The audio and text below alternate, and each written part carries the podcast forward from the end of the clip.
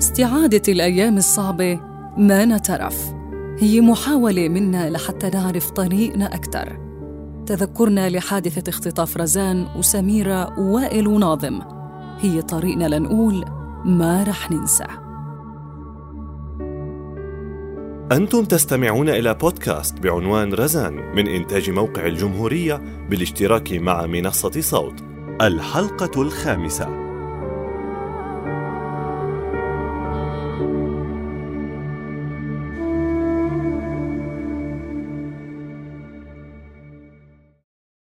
بعد سنتين من بداية الثورة بسوريا كان النشاط على الأرض صار أصعب بكتير.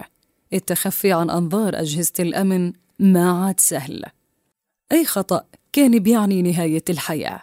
بالمقابل كانت عدد من المناطق بسوريا بدأت تخرج عن سيطرة النظام. دوما وعدة بلدات بالغوطة الشرقية ببداية 2013 كانت من المناطق يلي تحررت وطلع منها النظام وصارت مكان آمن من الاعتقال للنشطاء والمعارضين.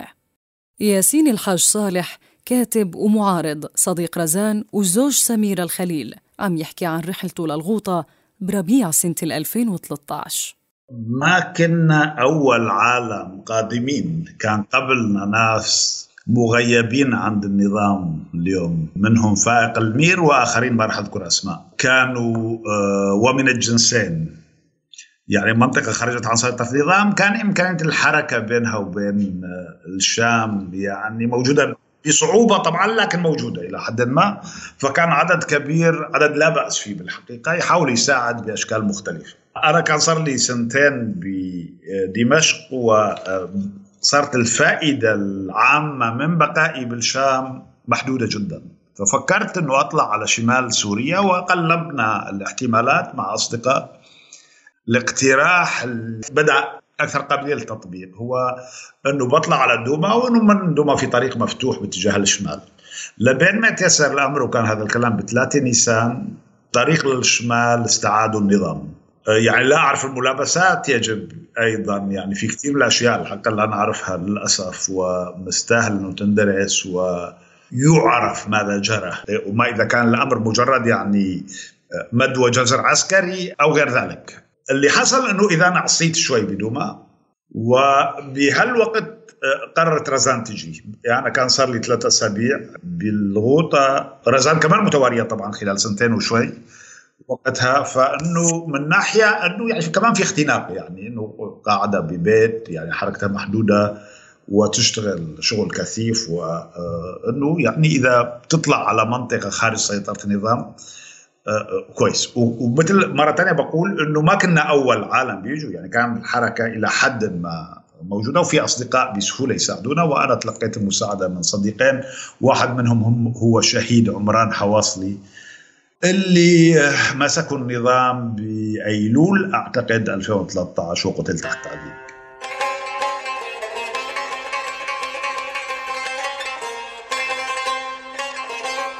رزان كانت أخذت القرار بالانتقال للغوطة. هي ومجموعة من الأصدقاء يلي كانوا مثلها متخفيين عن الأنظار نتيجة نشاطهم المباشر بالثورة السورية وتنظيم الاحتجاجات. أسامة نصار صحفي وناشط كان من ضمن المجموعة يلي دخلت الغوطة مع رزان بشهر نيسان. عم يحكي عن هديك اللحظات. إحنا وصلنا بنيسان 2013 قبلها كان عم نحاول إنه نطلع من الشام. يعني أنا بصراحة كانت غايتي أكثر منها إنه يعني إنه نتفرج يعني نشوف نسمع هاي الشيء اللي بنسمع عنه إنه صار في منطقة محررة وكذا. إنه على الأقل نروح نتفرج شو هذا يعني. ما كان يعني ما كانت خطتي يعني أقل إنه نطلع طلعة أخيرة من الشام ويعني رجال غير مسلم. رزان لا عندها هيك خطة وهي شايفة إنه الغوطة ليست يعني ما بنكون طلعنا. إنه نحن حنضل بالشام لكن حنروح على غوطة الشام. مو مو حنطلع برا خلص يعني. إيه. لما حكينا إنه بدنا نطلع قالت لي رزان إنه حنخ... حنحطك معنا إذا يعني هي اتفقنا إنه خلص خليك على standby يعني خليك مجهز حالك بين ما نخبرك مشان عم نجهز الطلعة. لأنه بتعرف يعني ما كان تلقائي بدها إجراءات أمنية وبدها يعني نلاقي طريق نفوت فيه على الغوطة. وفعلا يوم من الأيام يعني صرنا يعني خلال أيام قليلة حنطلع بس الأفضل انه إنه نكون سوا. فرحت عند قعدت أنا وناظم قعدت يعني سكنت مع ناظم مدة. بآخر يوم يعني طلعنا. هذا أخذ ما عم لك أخذ أكثر من شهر شهرين التجهيز. لوين لوقت وصلنا الطريق من من الشام لقلب الغوطة أخذ معنا يوم كامل. ويوم يعني متعب لأنه كان يعني صعب. وصلنا إلى دوما بالتحديد. كان يعني في مكتب للجان التنسيق المحلية ونحن يعني كانت لجان التنسيق بعز زخمها بهذاك الوقت. فنحن وصلنا عند زملائنا آه، في اللجان يلي في دوما.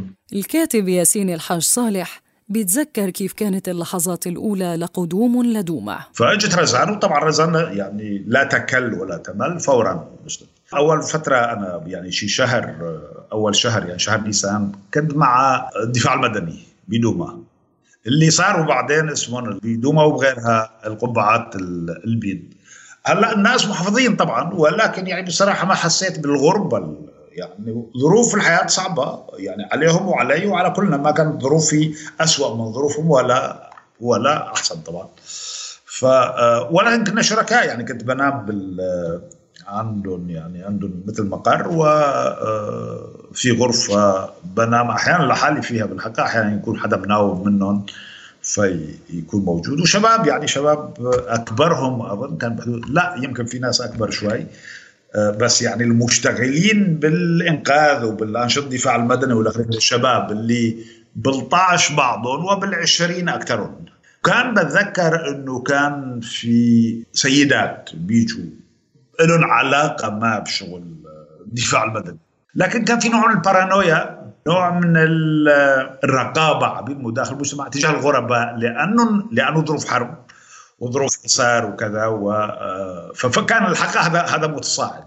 آه، وتعرضت له تعرضت له رزان لأنه آه، يعني مشينا يمكن بأول يوم لوصول رزان مشينا بالشارع بشارع شي مسافة كيلومتر فتعرضنا لسؤال بنت شقرة. ولابسة جينز وغير محجبة طبعا. وفكروها أوروبية فتعرضنا للسؤال مرتين ثلاثة يعني آه، بلطف أو بفظاظة شوي يعني. ولكن يعني بدون أي إشكال كان فضل الأمر. و وأنا عرفت يعني رزان على جماعة الدفاع المدني ويعني وبدأت تدخل بجو. وعلى كل حال هي استأجرت فورا أو خلال أيام بيت. وكان وائل وقتها يعني كان وائل جاي مع رزان وساعد أشياء متنوعة تأمين البيت وكذا وتأمين المودم والاخرين سميره أجت بعد بعد كمان شيء ثلاثة أسابيع من رزان ولأنه صارت مطلوبة بالشام ولأنه حابة تعيش التجربة سمور بالحقيقة. ف وما كان ممكن أقاوم هالرغبة ما بدي أعمل أنا يعني بعمل حماية زيادة وكذا. الحق ميلي كان إنه ما بتجي ولكن يعني صارت مطلوبة وصار حابه يعني ما في وجه لل يعني لإنه ما بتجي. فساعدوني نفس الشباب ساعدوا سمور إنه تجي نفس الشباب اللي كانوا ساعدوني أنا. كان في تجربة بالحق برأيي مهمة وفي بعد إنساني وسياسي كويس إنه إنه نحن الثائرين عن النظام موجودين بمنطقة خارج سيطرة النظام محررة بشكل من الأشكال وعم نساعد السكان المحليين. ضمن هي الأجواء كان نشاط رزان بالغوطة موجه بشكل رئيسي للملف الحقوقي والملف الإنساني. وبالتأكيد كان دعم أشكال الحكم المحلي يلي ظهرت حديثاً واحد من أكبر مهماتها أسعد العشي صديق لرزان وشريك مؤسس لمكتب التنمية ودعم المشاريع الصغيرة عم يحكي عن هي التجربة. مكتب التنمية بدا كفكرة على حديث Skype كان موجود كانت موجودة رزان كان موجود وائل آه كمان على الخط. من الغوطة وكنا أنا وفادي ومعتصم سيوفي وعروة آه، نيربي من كل واحد من البلد اللي هو عايش فيها. آه، بأحاديث عن آه، كيف بدنا ننتقل من الحالة الإغاثية المباشرة لشيء عمل تنموي أكثر ومستدام يقدر يقدم فائدة للمنطقة. وكيف فينا ندعم هياكل الحكم البديل اللي عم تنشأ بالمناطق المحررة. وقتها وشو دورنا اللي ممكن نلعبه بهذا المجال. من هون إجت فكرة آه، مكتب التنمية ودعم المشاريع الصغيرة. آه، بدينا بمشروعين رئيسيين. آه، دعم المجلس المحلي لمدينة دوما كمان المنحه الصغيرة بالبداية اللي قدرنا نقدمها للمكتب الخدمي بالغوطة الشرقية اللي هي كان يشتغل أساسا وقتها المنحه الأولانية كانت منحة نظافة بمعنى حملات نظافة ولم قمامه وترحيلها آه، من بالغوطة. فهي هي كانت بداية المكتب هدول المشروعين آه، بديو بعدين آه، توسع بالغوطة من خلال دعم عدة مشاريع متنوعة.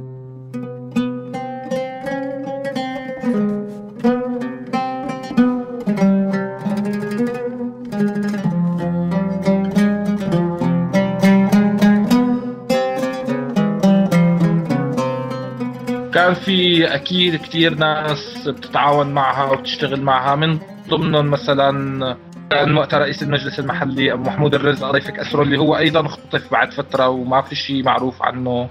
أوسي المبارك صحفي وصديق لرزان عم يحكي عبر سكايب من الغوطة عن ردود الفعل على وجود رزان بهداك الوقت ضمن مدينة دوما.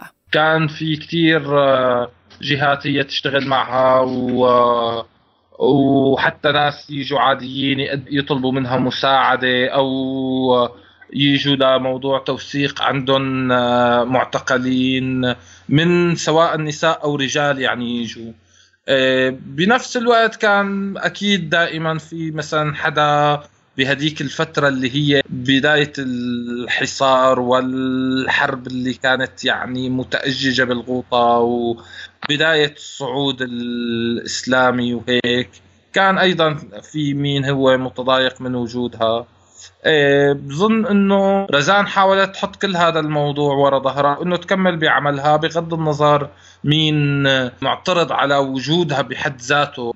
من ضمن الشيء اللي كتبته هي بعد أول آه، عملية اعتداء اللي هي صار تقويص قدام الباب و وبعدها إنه انحطت رسالة تهديد. من ضمن اللي قالته إنه أنا ما شعرت بالخوف وإنما بالمرارة. بالنهاية المفترض يعني بأي تفكير منطقي وسليم إنه هي رزان زيتون المعروفة بمعارضتها للنظام المعروفة بعملها بالثورة اللي هي جاية لتساعد الناس هون يعني مو جاية لا تكون عداوات ولا تعمل مشاكل. يعني تعرضت لهذا الاعتداء وهيك وهو يعني يسبب مرارة يعني بما آلت إليه الثورة ب أو ما آل إليه يعني آه شؤون ضمن الثورة يعني. العمل الحقوقي كان بصلب توجهات رزان من وقت صارت بالغوطة. أسامة نصار عم يحكي عن محاولات رزان وناظم للمساعدة والتأثير الإيجابي على منظومات العدالة اللي نشأت حديثا بالغوطة المحررة من قوات النظام.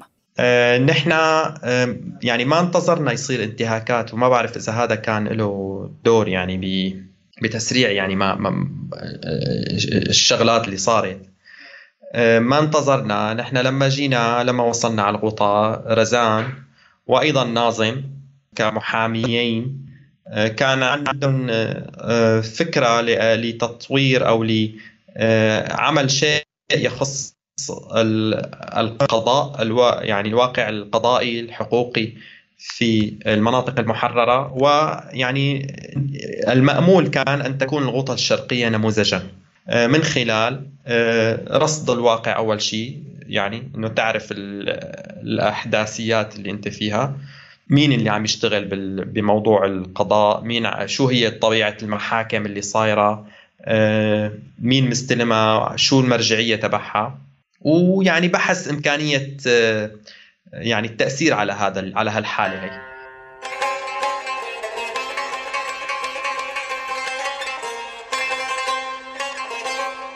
ما كنا يعني ابدا ابدا ابدا. يعني مو بس أنا ولا رزان كانت تحاول أن تدخل استقطاب ما ضمن هذه البيئة المحلية. ياسين الحاج صالح عم يحكي عن تطور نزعة صدامية من قبل طرف قرر يسيطر على المنطقة المحررة. وما كان مناسب له بأي شكل من الأشكال تصدر رزان لمشهد مدني على الضد من توجهاته.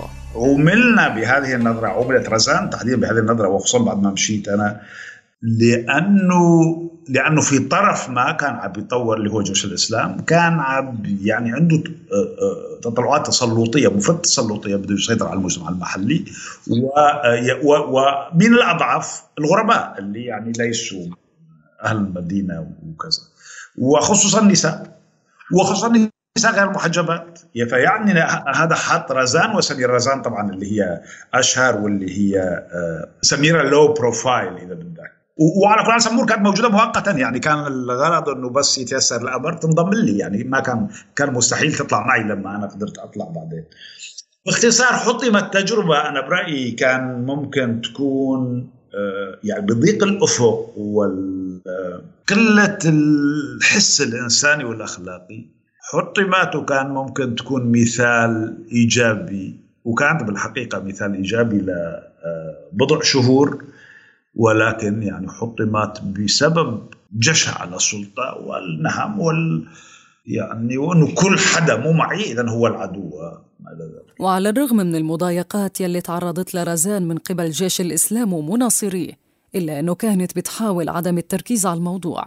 أسعد العشي عم يحكي عن هي الفترة. هيك فيني أقسم تقريبا الأحاديث المختلفة اللي, اللي, اللي كنا نخوضها. بتذكر بآخر فترة رزان أو ولا مرة ببداية يعني من وقت ما كنا نتواصل آه، كتابيا خليني نقول آه، بفترة وجودها بدمشق أو لما صرنا حتى نحكي صوت أو أحيانا فيديو آه، لما كانت بالغوطة الشرقية. كل هاي الفترة آه، ما كانت تحسسنا أبدا بأنه هي بخطر. يعني بالعكس هي تطمن علينا كيفكم شو أخباركم. بس ولا مرة حسينا أنه هي متضايقة أو هي عندها أي شعور بالخطر القريب جدا. لحد تقريبا فيني أقول شهر 9 أو 10 2013 لما تم إطلاق رصاص تحت مكتبها. من وقتها من شهر 9 و10 لحد ليوم الخطف آه، رزان آه، صارت تحكي بالهاجس الأمني أكثر بكثير مما كانت تحكي فيه قبل. بس رغم هيك كان كل ما نقول مثلا إنه فينا نحكي مع الجهه العسكرية الفلانية لتأمن لك حماية أو أو أو كانت ترفض بشكل قطعي يعني. آه، هذا الموضوع. لما صار عملية إطلاق الرصاص قدرنا نقنعها إنه إنه خلص الوضع ما بقى يسمح يعني صار لازم يكون في حماية أمنية. تواصلنا مع إحدى الكتائب العاملة بدوما ووفروا لها حماية أمنية. بعد يومين قلعتهم وحكيت معنا وقال أنا ما بقبل إني أنا أعيش تحت حماية أي فصيل عسكري مين ما كان يكون. آه واستمرت بحياتها الطبيعية. ولكن أصبح الهاجس الأمني آه هاجس آه، دائم بالحديث مع رزان. بآخر أسبوع أو عشرة أيام حتى بلشنا نحكي عن خيارات أخرى خارج آه، دوما. إن كان بسقبة أو إن كان بمناطق أخرى من الغوطة الشرقية ولكن عربين انطرح كمان ولكن لا تخرج من من دوما.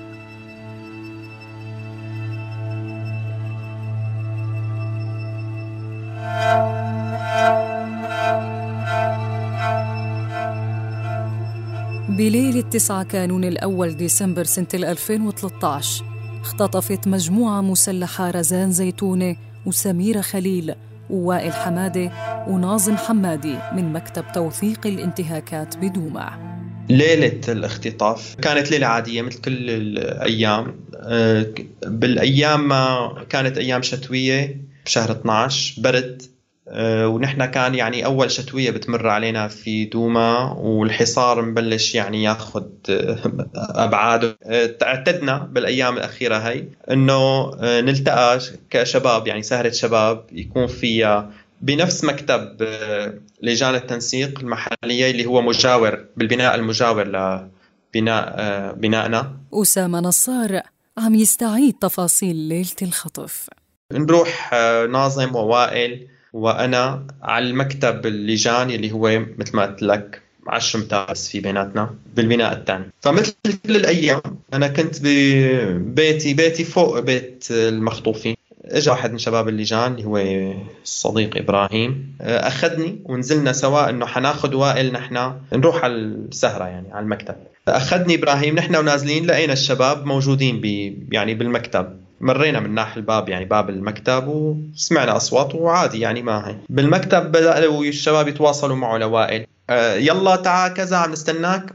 وإنه يلا جاي. كانت الساعة أنا نزلت أنا وإبراهيم الساعة عشرة. آه الساعة عشرة وثلث. وائل رد على كان عم يحكي مع الشباب للساعة يعني على الإنترنت. آه، بتذكر إنه 10 و22 دقيقة بعت له آخر رسالة قايل له يلا جاي. أنا رجعت على البيت 11 الا ربع 10 و45 دقيقة. قلت له هذا وائل شغلته طويلة ما حيجي أنا رايح آه، راجع على البيت. فانا رجعت على البيت الساعة 12 كانت تطفي الكهرباء. نحن لما بتطفي المولدة كانت بوقتها بنقلب على البطاريات بنقلب يعني جهاز الإنترنت مشان يضل في انترنت فجهاز الإنترنت موجود عند الشباب عند بغرفة رزان. فكنا متعودين إنه لما تصير الساعة 12 يفصل النت أربع خمس دقائق لبين ما بس نقلب الكهرباء على البطاريات.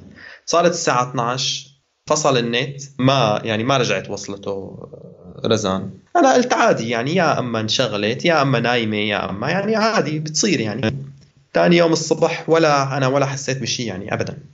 صحيت بكير ما ما نزلت دغري على المكتب استنيت حصة طويلة ساعتين يمكن إلى أن اجى شاب أنا ما بعرفه الشاب أول مرة كنت أشوفه. قال لي أنا آه، يعني اللي بيشتغل تحت آه، بالمكتب. قلت له والله اي عفوا ما بعرفك يعني خير شو؟ قال لي يعني المكتب كتير معفوس تحت. فأنا يعني ما بعرف إيه شو يعني وزا يعني شو ساوي يعني؟ قال لي إنه لا لأنه تحت ما في حدا. فأنا يعني بصراحة ما استوعبت يعني إيه وإذا يعني ما في حدا معقول يكونوا رايحين بكير يعني لشي محل يعني. قلت له يلا نازل نازل وراك. بهي الأثناء كان أوسي المبارك وصل على المكتب واكتشف يلي صار. كنا سهران أنا وصديقين آه، بليلة الخطف يعني بليلة الخطف هي انخطفت تقريبا 11 الا ثلث حسب التقدير يعني لل آه، لأنه ناظم كان عم يحكي مع أخوه بنفس الوقت. فيعني هو الخطف صار الساعة 11 إلا ثلث آه اللي صار إنه بوقت ما هن كانوا يعني عم بيتعرضوا للاختطاف كنت قاعد مع صديقين هن يعني من الجيش الحر وعم نحكي بإنه نحن لازم نوفر له حماية لرزان ما عاد مقبول إنه تضل هي بدون حماية. واتفقنا إنه ثاني يوم الصبح بدنا نروح آه، لعندها أقنعها إنه أنت ما بيسوى تضلي هيك بدون حماية. فطلعنا الصبح آه، يعني ما كنا بدوما. كنا بمزرعة مدري وين كان بالقطاع الجنوبي اللي راح هلا. إيه فركبنا ورحنا على جينا على المكتب يعني. آه، فمنلاقي الباب مفتوح وفي فوضى. فأحد الشباب وقتها قال إنه عم بيعزلوا. إيه فأنا يعني وقتها أول ما شفت المنظر إنه هذا مو منظر تعزيل آه، الكنبايات بالأرض وكذا وهيك قبضني قلبي. فقلت له للشباب يعني ما لحقنا يعني المخطوفين هن ما يعني ما استوعبوا ما صدقوا بالأول. بس إنه كانوا آه, آه، كان واضح بالنسبة لي إنه مخطوفين. فتت هيك شفت المكتب رزان شلون مقلوب فوقاني تحتاني لابتوب ما موجود هذا قلت لهم في خطف فهن الشباب يعني آه، هن شباب من الأقليات يعني من آه، الأقليات الطائفية اقليات الطوائف في سوريا. فهن كانوا خايفين يعني بهي اللحظة ويعني آه، احدهم خاف أعلن عن خوف وقال نحن ما بصير نضل هون هلأ بجوز يخطفونا نحن كمان يعني. إيه فأخذتهم على مكان آمن. قلت له هلا مو مشكلة روحوا على مكان يعني آمن. قعدناهم بمكان بدون مكان يعني يرتاحوا ورجعت أنا على المكتب. فلما رجعت لقيت آه، صاير يعني جمعة بالمكتب. آه، أسامة موجود وبعض الشخصيات موجودة. يعني بلشنا بمحاولة معرفة شو اللي صار وكذا وهيك وإمتى وأنو ساعة وإذا حدا سمع أسامة ما كان يعني سهران معهم فيعني إنه هل سمعت شيء هل حدا سمع من البناية؟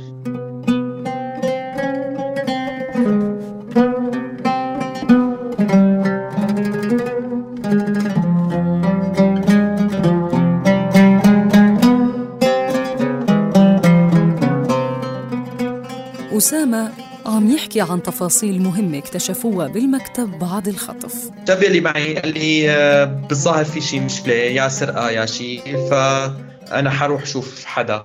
راح خبر خبر أبو صبحي طه اللي هو كان قائد فصيل قائد لواء شهداء دوما. وأيضا كان في شغلة اسمها مجلس مجاهدي دوما اللي هو ضم كل الفصائل هو قائده.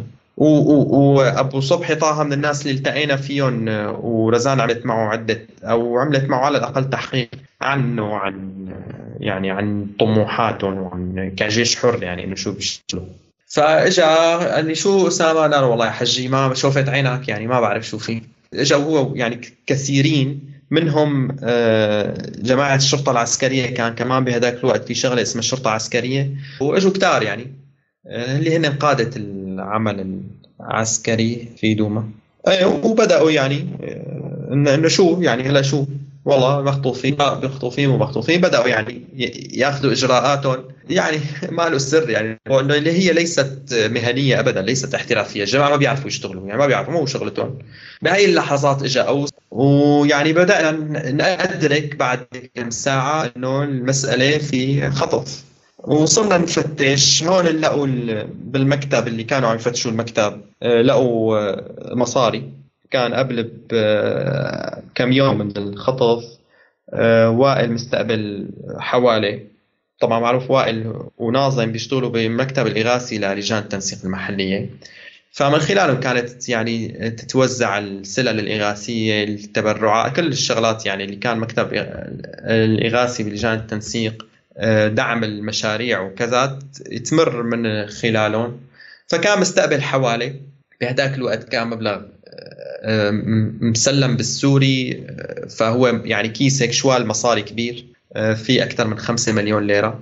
الفكرة إنه هذا ضل ضل موجود يعني الكيس باين اللي يعني مجموعة أو الخاطفين لما مفتشين المكان المكتب فاتحين كل الدروج كل الخزاين كل الأشياء يعني نابشينها وشايفين إنه هذا الكيس فيه مصاري وتاركينه. متابعة الحادثة ما اقتصرت على أصدقاء المخطوفين بدوما. زملاء وأصدقاء كان لهم دور بمتابعة الموضوع ومحاولة كشف الملابسات. أسعد العشي عم يحكي لنا عن تفاصيل متابعته للقضية. حادثة الاختطاف صارت بليلة 9 10 12 2013 أنا خبرت آه، بصباح 10 آه، إنه صارت عملية الاختطاف من من قبل أحد ناشطين آه، لجان التنسيق بدوما. وبعدين حكى معي أوس وحكى معي أسامة فهون تأكدت لأنه أول شيء الخبر إجاني من شاب من شبابنا من شباب التنسيقيه آه، فما كنت كثير ضامن الموضوع. نطرت لاحكي مع أوس وأسامة أتأكد من الموضوع بشكل بشكل أوضح. بديت طبعا عدة اتصالات مع مع كل الجهات اللي ممكن نتوقع إنه هي ممكن تأثر على آه، جيش الإسلام لتأمين آه، خروجهم. ليش جيش الإسلام؟ وليش آه، توقعنا إنه جيش الإسلام يكون الجهة الرئيسية اللي ممكن تكون وراء عملية الخطف؟ في التهديدات السابقة اللي حكينا عنها قبل بشهرين.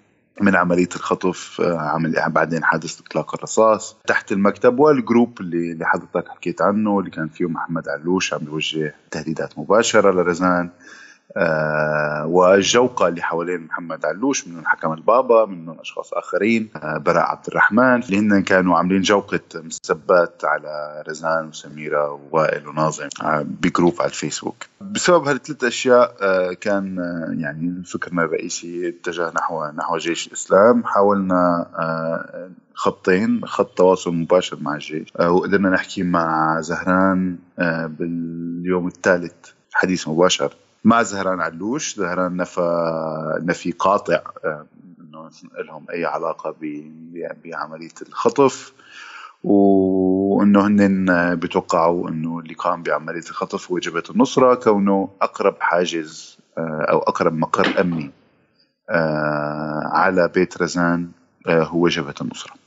بنفس الوقت التواصلات الدولية تمت ليصير في ضغوط على الجيش الجيش كمان الجهات الدولية اتصلت فيه كان من قطر ولا كان من السعودية نفى نفي قاطع إنه أي علاقة له بعمليه الخطف. بعد ثلاث أيام أو أربع أيام بيطلع بيان من كل الفصائل العاملة في الغوطة الشرقية بتتبرأ من عملية الخطف. هون تغير حديث زهران علوش صار اتهامه موجه لداعش ما موجه لجبهة النصرة صار يعني بحديث آخر آه، مع زهران آه، رجع آه، يعني تراجع عن اتهام حزب جبهة النصرة وجه الاتهام هالمرة لداعش انه داعش هي اللي وراء عملية الخطف. طبعا من المهم ذكره إنه كل أو معظم الفصائل العسكرية القائمة بالغوطه وقتها اجت وعملت تحقيقات خلينا نقول حتى لو كانت تحقيقات رمزية أو يعني ما في ما في عند أصلا ما عندهم أصلا قدرة تحقيق يعني قدرة تحقيق آه، صحيحة. ولكن آه، وقتها بنحكي آه، اجى لواء البراء لواء البراء اللي هو ما ما عرف لاحقا بفيلق الرحمن. اجى شباب من أجناد من الاتحاد الإسلامي لأجناد الشام اللي هن وقتها كان اسمهم شباب الهدى. آه، إجا من لواء شهداء دوما آه، أبو صبحي طه آه، إجا من أسود الغوطة إجا من, من عدة فصائل مجموعات لتشوف على أساس إنه هن عم عم بيدوروا عليهم. ولكن لم يأتي أحد من الجيش نهائي. لا اجى ولا عملوا رفع بصمات ولا ولا اجوا ولا طلعوا على مسرح الجريمة إذا فينا نسميه بهذه الطريقة ولا انعمل أي تحقيق مع أي أحد له موجود بالبناية كلها من قبل الجيش. لا وقتها لحد اليوم الجيش ما قام بأي عملية تحقيق عن ما قال لي على حد علمنا. نحن كأصدقاء وعائلات الضحايا المخطوفين كثير من المؤشرات يلي حكي عنها أسعد.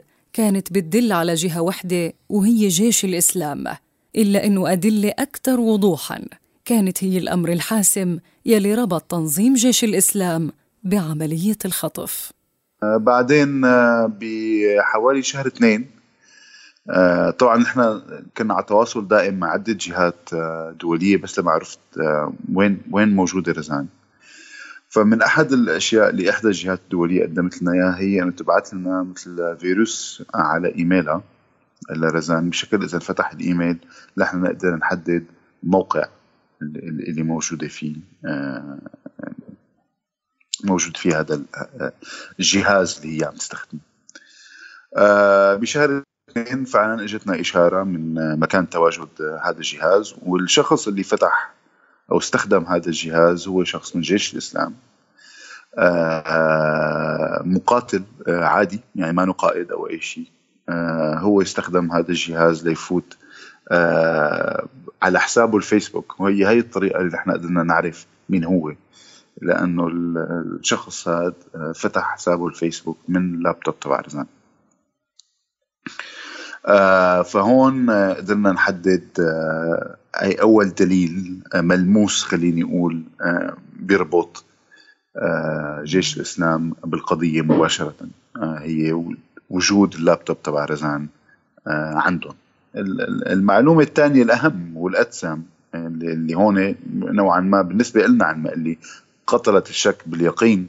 هي اعتقال حسين الشاذلي آه، من قبل فيلق الرحمن. آه، بأواخر آه، ماني متأكد إذا كانت 2014 أو 2015 تم اعتقاله والتحقيق معه واعترف حسين الشاذلي اللي هو بيشتغل بالمكتب الأمني لجيش الإسلام بأنه هو اللي كتب رسالة التهديد لرزان وهو هو هو من أطلق الرصاص تحت مكتبه.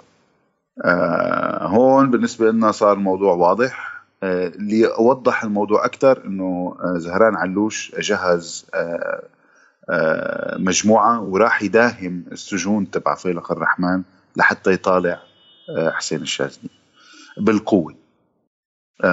لأنه لما طلب من أبو النصر اللي هو قائد فيلق أنه يقعد مع حسين الشاذلي لحاله ورفض أبو النصر. آه واللي حقق مع اللي حقق مع حسين الشاذلي هو القاضي سليمان طفور طفور اللي هو رئيس مجلس القضاء بالغوطة الشرقية. وسليمان الشيخ سليمان رفض إنه زهران يعود مع حسين الشاذلي لحاله. فهون جن جنانه زهران وتوعد وطلع مع مع فرقة المداهمة اللي جايبها معه. وبعد أربع خمسة أيام بندرى أنه حسين الشاذلي اختفى من سجون فيلق الرحمن وما حدا بيعرف وينه. في ناس بيقولوا رجع على المكتب الأمني تبع الجيش في ناس عم بيقولوا عم بيشوفوه اليوم بدوما أو بغيرها. أنا ما عندي معلومات ولكن بالنسبة لنا هيدي الحادثة هي آه، الحادثة المركزية اللي بتأكد لنا آه، أو اللي أكدت لنا على المقلي آه، إن ما إن كان ما إن ما كان إنه هو جيش الإسلام هو اللي قائم بعملية الخطف على المقلي تورطه العميق بعملية الخطف.